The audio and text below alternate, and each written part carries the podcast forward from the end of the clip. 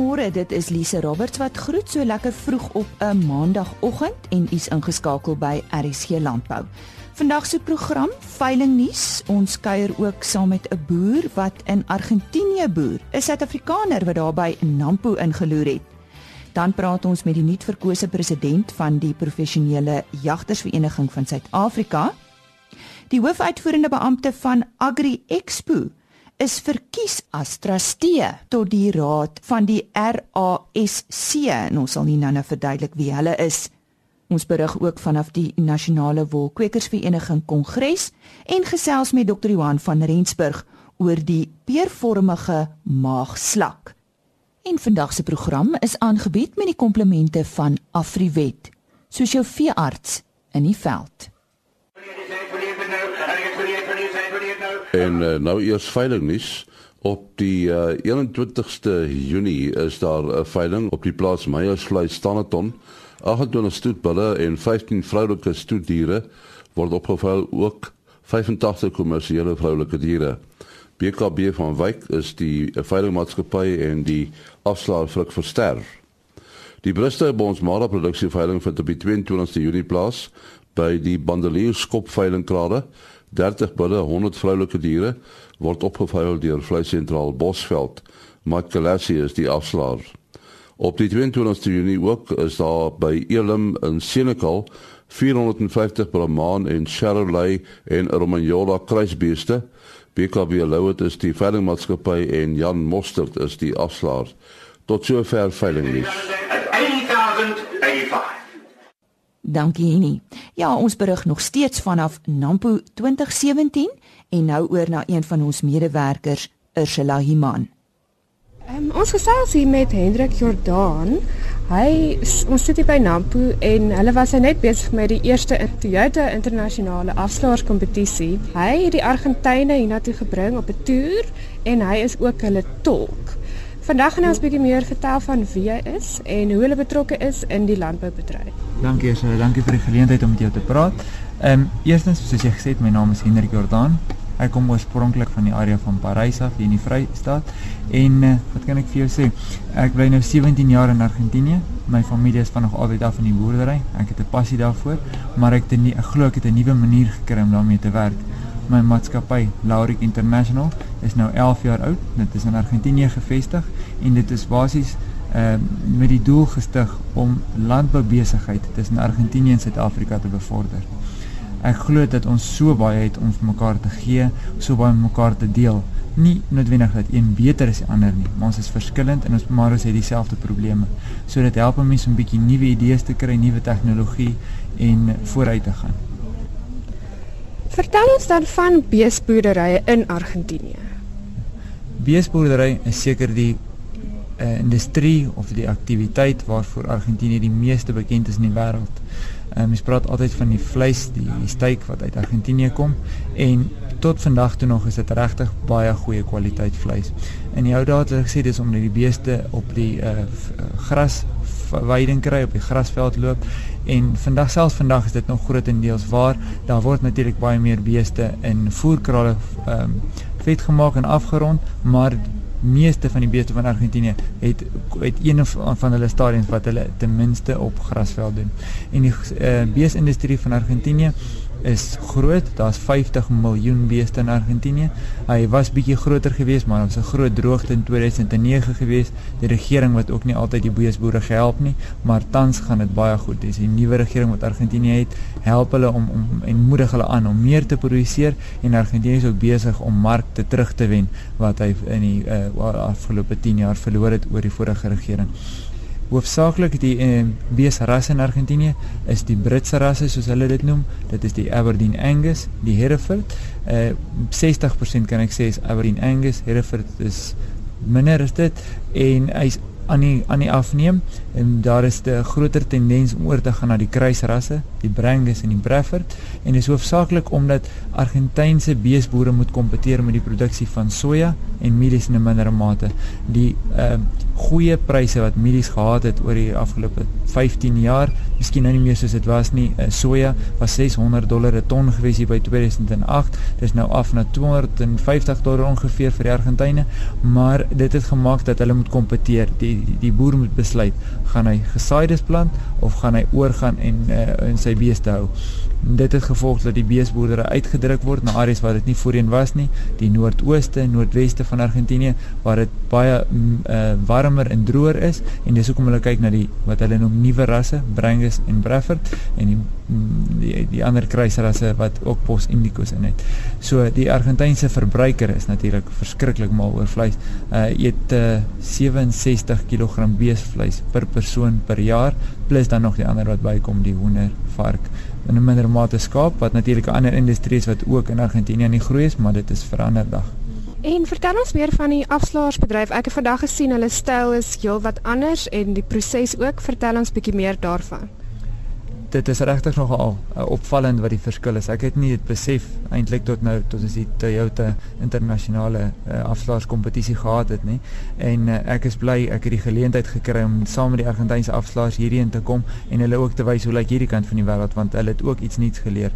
Maar wat jy vra oor die styl, daar's 'n aansienlike verskil want baie gaan dit nie oor die spoed nie. Dit gaan oor die ontmoeting van uh van van die partye tussen die koper en die verkoper. Die afslaer word meer gesien as 'n onderhandelaar, iemand wat voor die tyd, hy, hy altyd voor die tyd hy onderhoud met die verkoper om te weet wat verwag hy, wat wil hy vir die prys, wat is die goeie eienskappe van die bees, wat is die eienskappe wat hy oor kan praat en om die produk die beste moontlik aan die koper ten ten gestel. En dan eh, wanneer die vendisie begin, praat hy ook met die koper. Hy vra aanbod, hy maak nie aanbod nie. Hy vra aanbod van hulle om te begin en sy inleiding is ook baie langer as wat ons gewoond is, want hy beskryf regtig die produk. Hy gee eienskappe wat hy glo die mense belangrik sal ag en hy die die punt is hy moet 'n ooreenkoms tussen uh, partye bereik wat vir albei werk. Nou dit is nie verskillend wat van wat die Suid-Afrikaners doen nie, maar daardie tyd dit is nie 'n faktor in hulle so seer soos wat ons dit gesien het vandag in die Amerikaanse en die Suid-Afrikaanse styl nie. Wat dink jy is die toekoms tussen Argentinië en Suid-Afrika in die veebedryf?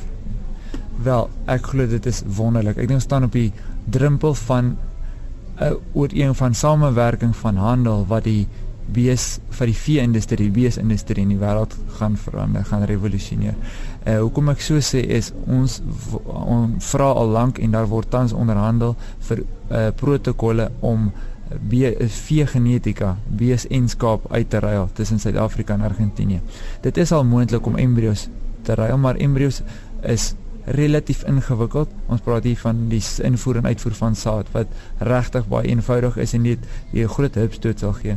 Hoekom ons so baie belangstelling is is Argentinië en Suid-Afrika het soortgelyke omstandighede, maar tot nou toe is hulle 'n gene pool soos hulle in Engels sê uh, uitmekaar uitgehou en hulle dis verskillende genetika en hulle kan albei kante kan net baat om uh, met mekaar te deel en nuwe eienskappe in hulle in hulle uh, uh stoete in te bring. So wat ek glo is ons nog binne in hierdie jaar gaan die protokolle gereed wees en gaan ons kan begin handel dryf en dit is daar's nie daar's nie 'n horison ver genoeg om te beskryf wat moontlik is nie. Sel en dis nie net wat uh, met Argentinië en Suid-Afrika, dis die lande van Suid-Amerika en Suider-Afrika, die Mercosur lande, Uruguay, askies Argentinië, Uruguay, Paraguay en Brasil. Al vier daai lande het unieke eienskappe in hulle vee wat vir Suid-Afrika kan help. En so ook het Suid-Afrika en nie net Suid-Afrika maar ook die buurlande gene wat nog nie in Argentinië is nie.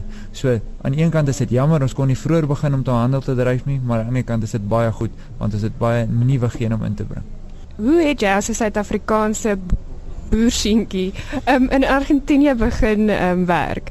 Ja, wel, dis nie so 'n romantiese storie eintlik nie. Ehm um, my ouers het besluit om te immigreer na Argentinië, soos ek gesê het, my pa se boer en dis in sy bloed en sy wese om te boer en hy het besluit daar's 'n toekoms in Argentinië. Ongelukkig kon hulle nie in die langtermyn daar bly nie. Basies dink ek my pa was te oud geweest. Uh weet 'n mens word gemaak van die dag dat jy gebore word, word jy gemaak om in 'n plek in te pas en nou as jy 50 is, is verandering nie meer so wonderlik as wat dit was nie. Ek is gelukkig geweest. Ek was 18 jaar toe ons oud oor oud toe ons oorgegaan het en ek het daar universiteit toe gegaan. Ek het internasionale politieke wetenskap gestudeer.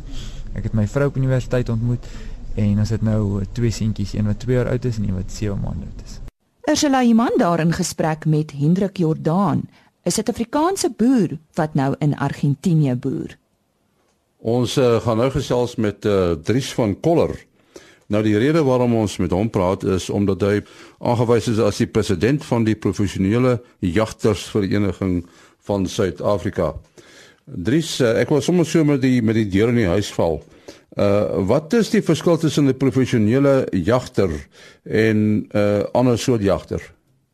Nee, dit is is, is eintlik eenvoudig. Ons is professionele jagters, maak ons inkomste uit die begeleiding van internasionale kliënte wat uitkom Suid-Afrika toe om te kom jag. En die gewone jagter is basies maar 'n sportjagter op 'n biltongjagter as suits. So is daar 'n taamlike vraag na na julle soort dienste. Nee, definitief, dis 'n verskriklike groot mark. Ehm um, as jy kyk elke jaar hoeveel van ons professionele jagters gaan aan die buiteland bemark. Uh dit is 'n redelike groot mark in Amerika, Europa, uh en dan begin stadig in die Balkanstate ook. As julle self bemark, waar eh, bemark jy julle sê in Amerika, maar as jy nou iemand gekry het, waar moet so 'n persoon dan kom jag want jy het nie julle eie plase nie. Um jy dit dan af? Party van die professionele jagte het hulle eie grond. Um jy weet daar's 'n verskil tussen 'n professionele jagter en 'n jagondernemer. 'n Jagondernemer is ook hy is die man wat die goed organiseer die grond uh, waar daar gejag sal word het en dan neem hy 'n beroepsjagter in in in, in diens.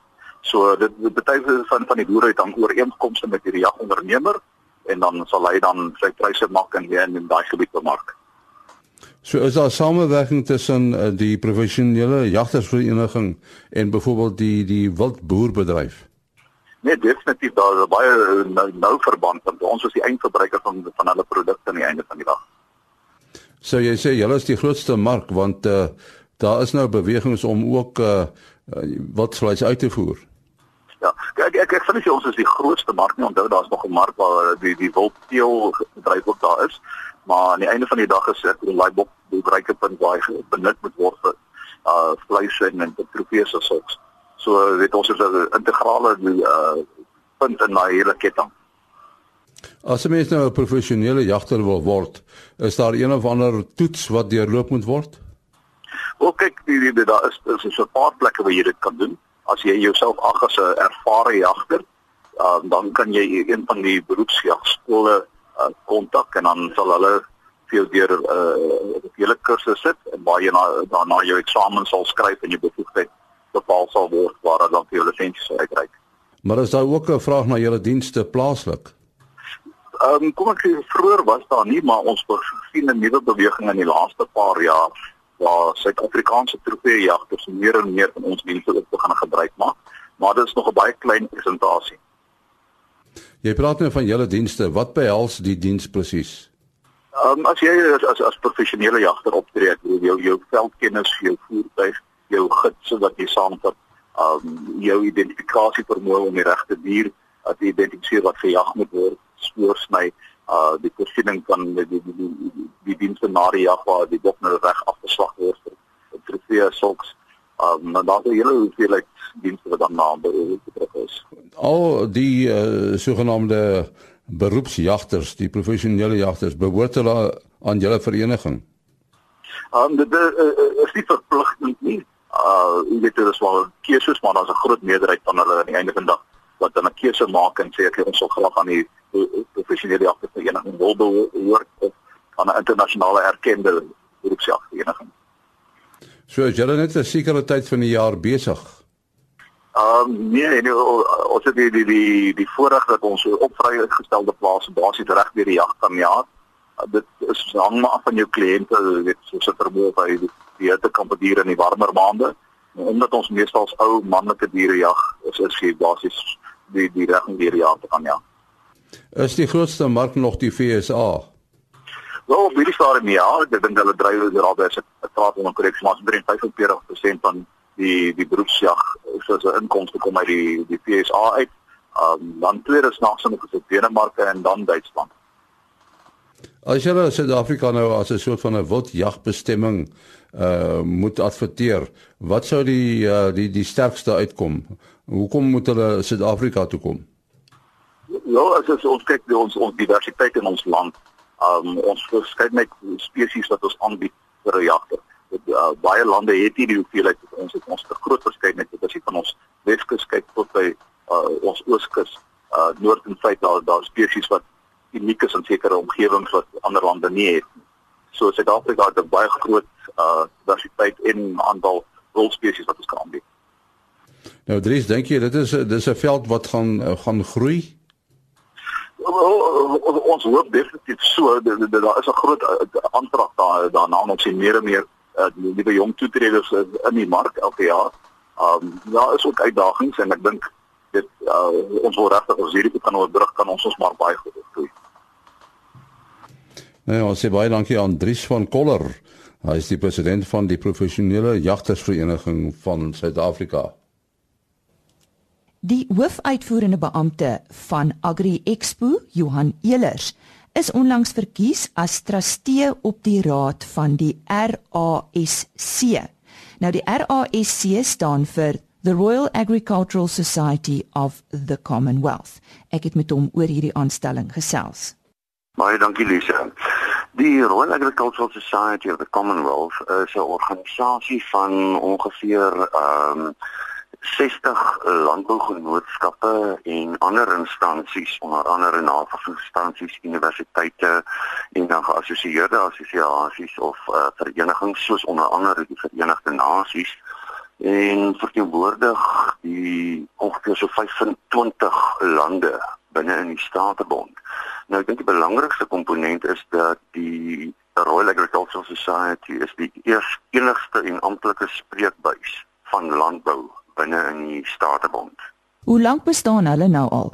Die organisasie is in 1957 gestig en uh ons sit met die president van die organisasie is uh haar koninklike hoogheid soos hulle sê, uh, prinses Anne en dan het ons 9 trustees waarvan 6 vanuit die Verenigde Koninkryke gekies word en 3 buitekant. Um, ons is op hierdie stadium een van Australië, een van Kanada en dan ek self wat Suid-Afrika verteenwoordig. Nou in Suid-Afrika is dit uh, Agri Expo en dan die Royal Show in Natal wat lid is van die Royal Agricultural Society of the Commonwealth en 'n verskeidenheid van lande binne in Afrika, onder andere Kenia, Zambië, Malawi, uh, Uganda, Mauritius, Tanzanië, Zimbabwe wat ook lid is daarso. En die belangrikste komponent is om die beeld van landbou te bevorder binne in die Statebond. Ehm um, so ons ons kom by mekaar, ons het elke tweede jaar 'n uh, groot landboukongres, die Statebond se amptelike landboukongres. Ons het verlede jaar dit gehad in Singapore en volgende jaar is dit in Edmonton, Kanada. En dan kom ons bymekaar en ons bespreek onder andere komponente soos veral, jy weet, voedselvermorsing, voedselsekerheid en volhoubaarheid. Ons het ek dink een van die groot uitdagings wat ons het is dat in 2030 sal 60% van die 2.5 miljard mense binne in die Statebond onder die ouderdom van 30 wees. So dis 'n nuwe uitdaging waarmee ons in landbou sit. Hoe gaan ons daai groepering uh laat verstaan waaroor landbou gaan?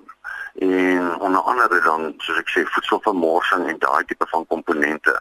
En ek glo dit is ook dan deel van die rol wat 'n mens het waar ons byvoorbeeld binne in Suid-Afrika meer kollektief saam sal werk om uh die beeld van landbou te bevorder en te verander en boodskappe deur te stuur dink byvoorbeeld aan die wonderlike video wat uh GWK gedoen het die televisie advertensie. Ehm um, jy weet daai tipe van komponente laat 'n mens meer saam staan as wat elkeen sy eie stukkie probeer doen. So daar's geweldige lekker uitdagings. Aan die ander kant dink ek vir ons hier in Suid-Afrika, ons is een van die min lande binne in die Statebond wat byvoorbeeld nie 'n Farmers Day amptelik het binne in Suid-Afrika nie die meeste ander lande, selfs Zambië en Kenia, Tanzanië, Australië, Nieu-Seeland het almal Farmers Days op Boeredag waar dan 'n amptelike vakansiedag in daai lande is. Nie dat ek sê dit moet 'n vakansiedag wees nie, want ons het reeds so baie, maar dis 'n tipe van komponente waarna 'n mens moet gaan dink en kan saamwerk mee om te kyk hoe kan ons hierdie tipe van komponente weer terugbring.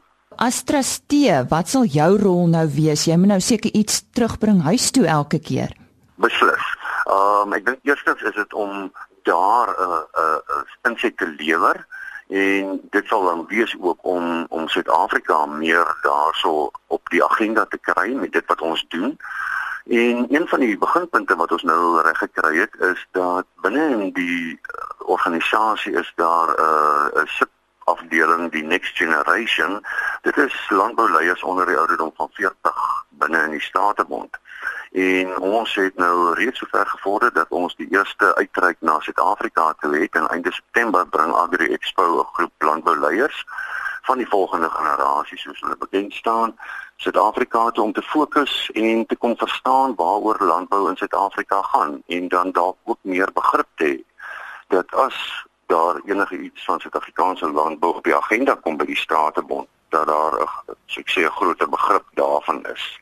Die stem daar van Johan Elers, hy's hoofuitvoerende beampte van Agri Expo.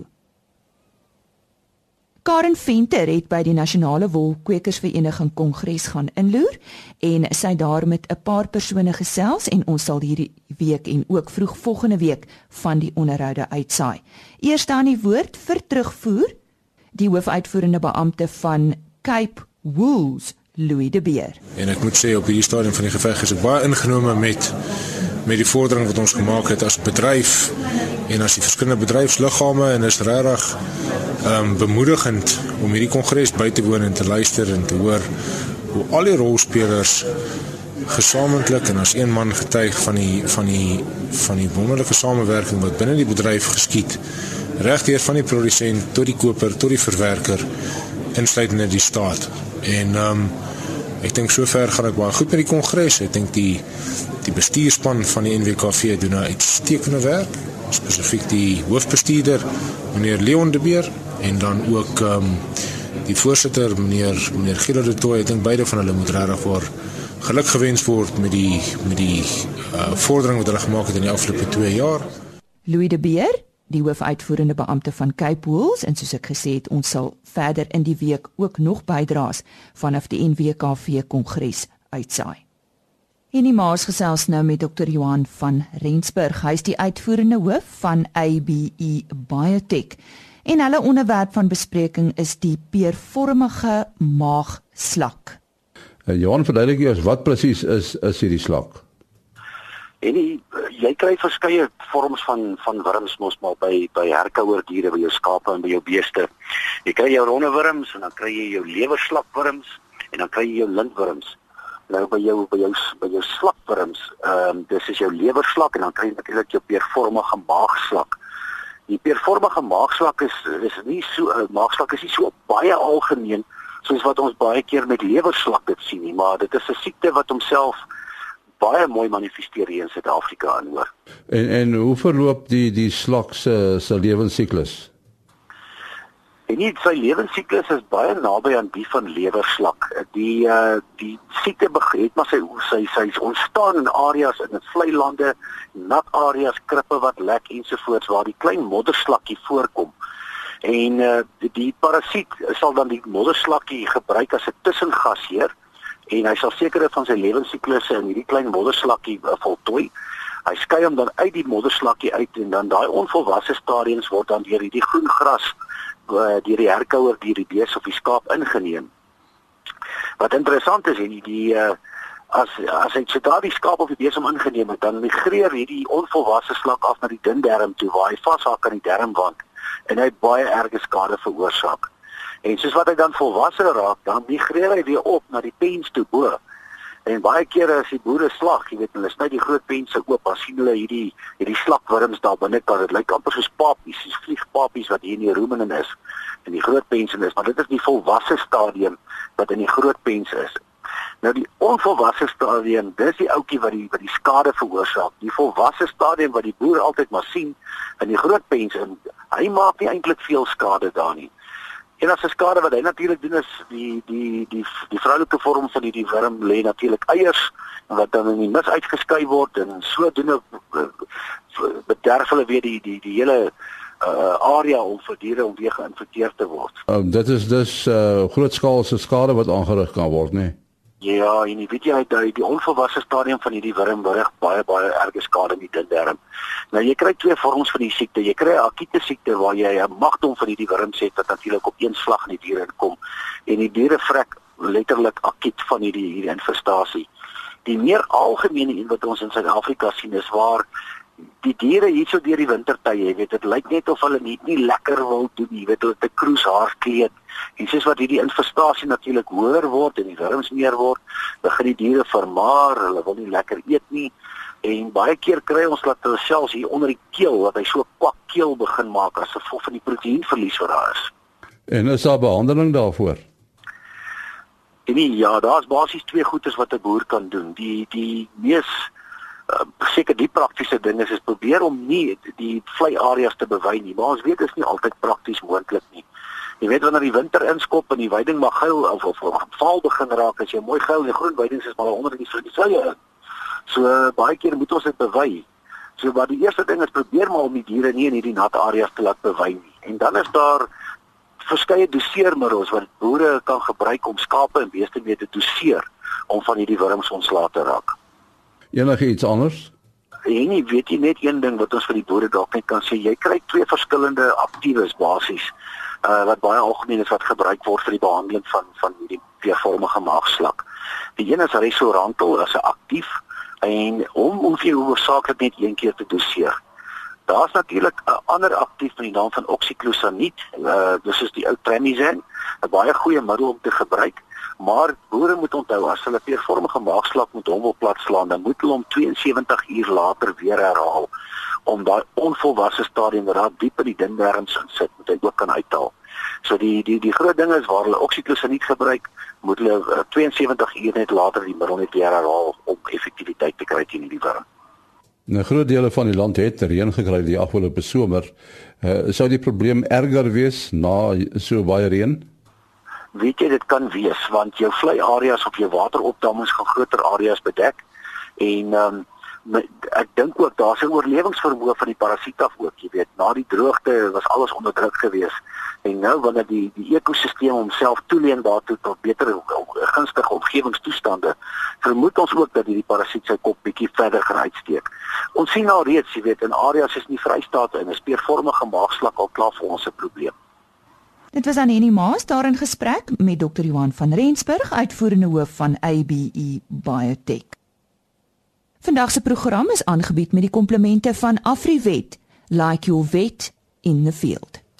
Een of twee nuusstories waarna u kan uitsien môreoggend. Ons het met die hoofuitvoerende beampte van die melkprodusente organisasie, Dr. Chris van Duyk gesels oor die afgelope Large Herds Kongres en professor Charlie Reinhardt praat oor skape wat onkruid kan beheer. Dit is dan môreoggend om 05:30 weer RSG Landbou. En net voor ek groet, het u geweet ongeveer 70% van Suid-Afrika se totale oppervlakte bestaan uit natuurlike weiding wat net deur vee of wildboerdery benut kan word. Die Suid-Afrikaanse nasionale beeskudde het sedert die 1970s met sowat 6 miljoen diere vergroot en staan tans op ongeveer 15 miljoen stuks vee. Totsiens. RSG Landbou is 'n produksie van Blast Publishing. Produksieregisseur Henny Maas. Aanbieding Lisa Roberts en 'n notas koördineerder Jolande Rooi.